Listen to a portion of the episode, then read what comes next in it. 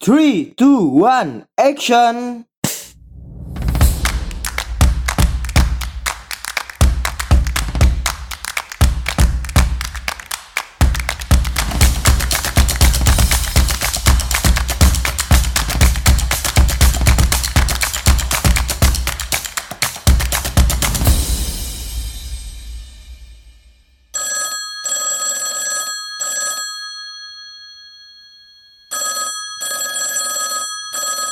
Oke para pendengar, bertemu lagi dengan saya Miftol Arzak. Kita pada pertemuan kali ini akan menjelaskan uh, teori keterlibatan audiens. Jadi ini juga menjadi salah satu teori yang hampir uh, jarang saya baca. Tetapi ketika tadi saya membuka buku seperti biasa ya, ensiklopedia teori komunikasi, editornya Stephen W. Littlejohn dan Karen Voss saya cukup uh, tertarik ketika membaca sekilas tadi tentang teori ini. Nah, sebelum saya membacakan, sekali lagi saya selalu mengingatkan bahwa audio dari uh, video ini juga akan kami share di uh, podcast saya dan di situ juga saya menjelaskan banyak tentang uh, sejarah dan kehadiran teori-teori, khususnya adalah teori komunikasi. Bisa dicek entah itu di Apple Podcast atau di Spotify atau di Google Podcast atau di platform-platform lainnya yang berhubungan dengan podcast. Bisa dicek di situ Miftahul Arzak. Saya menjelaskan tentang ilmu-ilmu komunikasi lainnya juga, ya. Oke, langsung saja pada pertemuan kali ini saya akan menjelaskan tentang salah satu teori di teori komunikasi, yaitu keterlibatan audien. Dalam merespon posisi bahwa komunikasi persuasif bergantung pada pemeriksaan pesan secara aktif. Ya, jadi ketika ada uh, komunikator mencoba mempersuasi komunikan, ya entah jika kita berbicara terkait iklan, entah kita berbicara terkait pesan dalam sebuah berita, ya ketika mempersuasi halayak atau penonton itu itu uh, di sinilah dibahas terkait keterlibatan audien di mana sebenarnya audien itu juga ikut terlibat ya saya lanjutkan Herbert Krugman pada tahun 1965 menawarkan tesis yang menghubungkan efektivitas pesan dengan tingkat keterlibatan audien dengan pesan tersebut. Ya, secara lebih spesifik, Krugman menganggap keterlibatan bukan soal perhatian atau minat tetapi sebagai koneksi yang dibuat audien antara stimuli pesan dan kehidupan audien. Nah, ini menarik ini. Jadi bukan hanya bicara terkait keterlibatannya saja ya dalam uh, mengonsumsi pesan tersebut, tapi berbicara terkait uh, koneksi stimulus pesan itu dan kehidupan audien. Bagaimana audien itu juga mungkin di kehidupannya ada kemiripan atau misalkan ada apa ya kontradiksi dengan pesan-pesan yang didapatkan. Krugman membedakan antara dua tipe keterlibatan, yaitu tinggi dan rendah. Keduanya dapat menghasilkan advertising yang efektif. Oh, berarti teori keterlibatan audien ini berbicara tentang terkait advertising, ya. Argumennya menyatakan bahwa penurunan keterlibatan tidak berarti menaikkan resistensi pada pesan, namun menurunkan pemrosesan, yakni proses belajarnya pasif karena konsumen tidak mengaitkan pesan dengan keinginan atau kebutuhan personal dan karena itu mempelajari informasi secara acak sebagai akibat dari pertemuan pesan repetitif. Ya, jadi jika dia mungkin tidak merespon dengan baik ya itu karena ya memang tidak ada ketertarikan atau memang tidak ada hubungan dengan kebutuhannya. Ini sebenarnya bisa dikaitkan juga dengan uh, uses and gratification. Tapi uses and gratification fokusnya ke media mana yang digunakan ya tergantung kebutuhannya. Dalam keterlibatan tinggi pesan bermemodifikasi keyakinan dalam keterlibatan rendah dampaknya lebih pada exposure pada daya tariknya. Misalkan logo ya. Ini terjadi secara bertahap sehingga diperlukan exposure berkali-kali Menurut Krugman, ada tiga level exposure dalam term psikologis. Ya, jadi uh, fokusnya itu ya, itu ke mana? Yang pertama rasa ingin tahu, pengenalan, dan keputusan. Karena banyak pengiklan, menyalahpahami argumennya tentang ide perencanaan dan penempatan media yang efektif, tesisnya tentang frekuensi ketiga level itu menjadi perdebatan tentang repetisi pesan dan efek kebaruan. Keterlibatan juga berperan penting dalam karya Caroline dan Muzafer Serif dan rekannya dalam bidang teori penilaian sosial. Menurut teori ini, level keterlibatan ego bergantung pada apakah isunya membangkitkan sikap yang intensif atau tidak. Dikatakan lebih lanjut bahwa individu yang memiliki keterlibatan tinggi pada suatu isu lebih mungkin untuk menilai semua pendapat dan karenanya meningkatkan sudut pandang mereka terhadap isu tersebut. Jadi kefokusan isu ini juga berhubungan dengan agenda setting juga ya.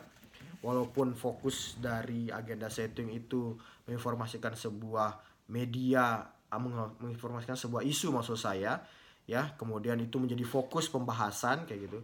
Namun itu juga dikendalikan juga oleh si uh, halayak atau si konsumen juga. Nah, persis seperti ini. Karena posisi yang berbeda kurang bisa ditoleransi apabila seorang memiliki keterlibatan tinggi maka orang ini akan lebih sulit dibujuk ketimbang orang yang kurang peduli. Konsumen yang tak memiliki keterlibatan atau acu tak acu akan mau mempertimbangkan lebih banyak brand, tetapi enggan mengevaluasi brand. Ya. Ringkasnya, kurangnya keterlibatan akan menghasilkan persepsi yang sedikit atau tidak mengandung aktivitas kognitif. Teori ketiga yang berkaitan dengan keterlibatan adalah model kemungkinan elaborasi yang dikembangkan oleh psikologi Richard Petty dan John Cacioppo pada tahun 1981. Model proses kognitif ini mengambil nama dari kemungkinan bahwa seseorang berpikir dengan cara mendalam ya atau mengelaborasi tentang iklan saat melihatnya. Nah, ini fokus sekali lagi tentang iklan. Seperti saya jelaskan kenapa saya perlu untuk membaca teks tidak menjelaskan setelah saya pahami kemudian saya jelaskan kepada uh, para pendengar dan penonton karena kita sekarang lagi posisinya membicara terkait sejarah ya atau perjalanan dari sebuah teori sehingga perlu ada teks-teks sehingga tidak ada pesan yang miss dan tidak tersampaikan secara detail. Ya, saya lanjutkan dan teori ini terutama membahas upaya mengubah arah sikap melalui persuasi. Premis dasar dari model ini adalah rute yang dengannya pesan mempengaruhi konsumen akan bergantung pada keterlibatan konsumen dengan pesan itu. Ada dua rute. Yang pertama rute sentral yang kedua adalah rute pinggiran. Dalam rute sentral, orang punya motivasi dan kemampuan untuk mengevaluasi pesan dan akan memproses pesan dengan teliti. Mereka akan melihat dan merespon argumen pesan dan membantah apa yang mereka anggap argumen lemah. Dalam rute pinggiran, orang mungkin kurang termotivasi atau kurang mampu mengevaluasi pesan dan karenanya lebih mungkin merespon pada petunjuk yang diasosiasikan dengan pesan, seperti nilai hiburan atau juru bicara selebritis.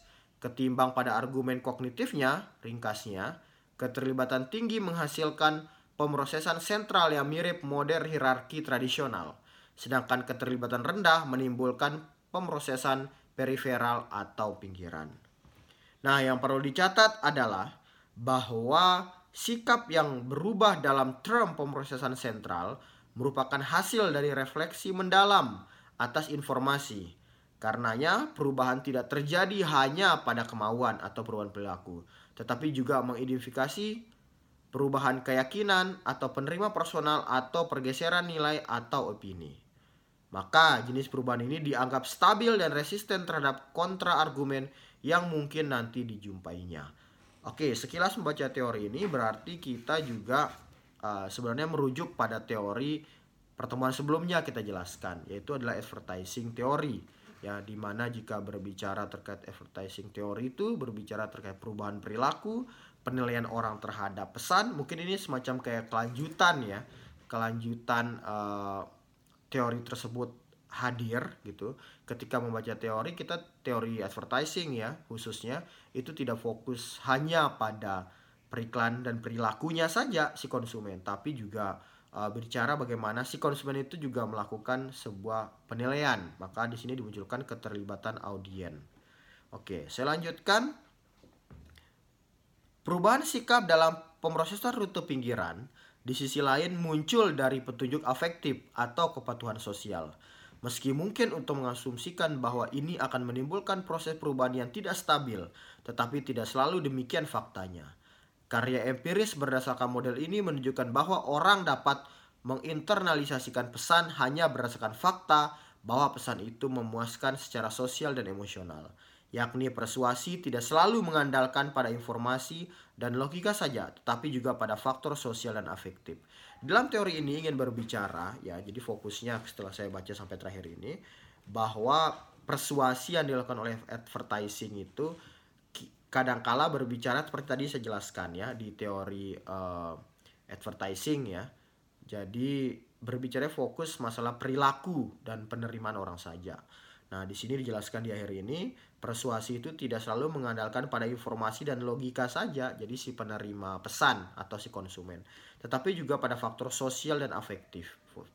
Semacam kayak faktor uh, latar belakang si konsumen, sehingga ketika dia dipaparkan atau ditampilkan, kemudian mengonsumsi sebuah tayangan iklan, dia itu tidak langsung semacam kayak menerima atau dia mengiyakan gitu. Tapi ada semacam kayak perdebatan ada keterlibatan audien itu yang sebenarnya juga ada faktor-faktor di belakang dirinya itu. Sehingga dia bisa menilai atau memberikan gambaran atau dia itu mungkin mengkritik memberikan pembahasan tentang iklan yang dilihat. Oke para uh, penonton dan pendengar demikian penjelasan pada uh, pertemuan kali ini terkait keterlibatan audiens yang di mana selanjutnya kita akan masih ya menjelaskan tentang teori-teori komunikasi lainnya. Ya sekali lagi saya ingatkan bahwa uh, video YouTube ini juga audionya akan saya siarkan di podcast saya. Silahkan dicek entah itu di Google Podcast, Apple Podcast, atau di Spotify. Silahkan diketik Miftol Arzak. Nanti akan ada saya menjelaskan tentang teori komunikasi dan juga mata kuliah uh, ilmu komunikasi lainnya.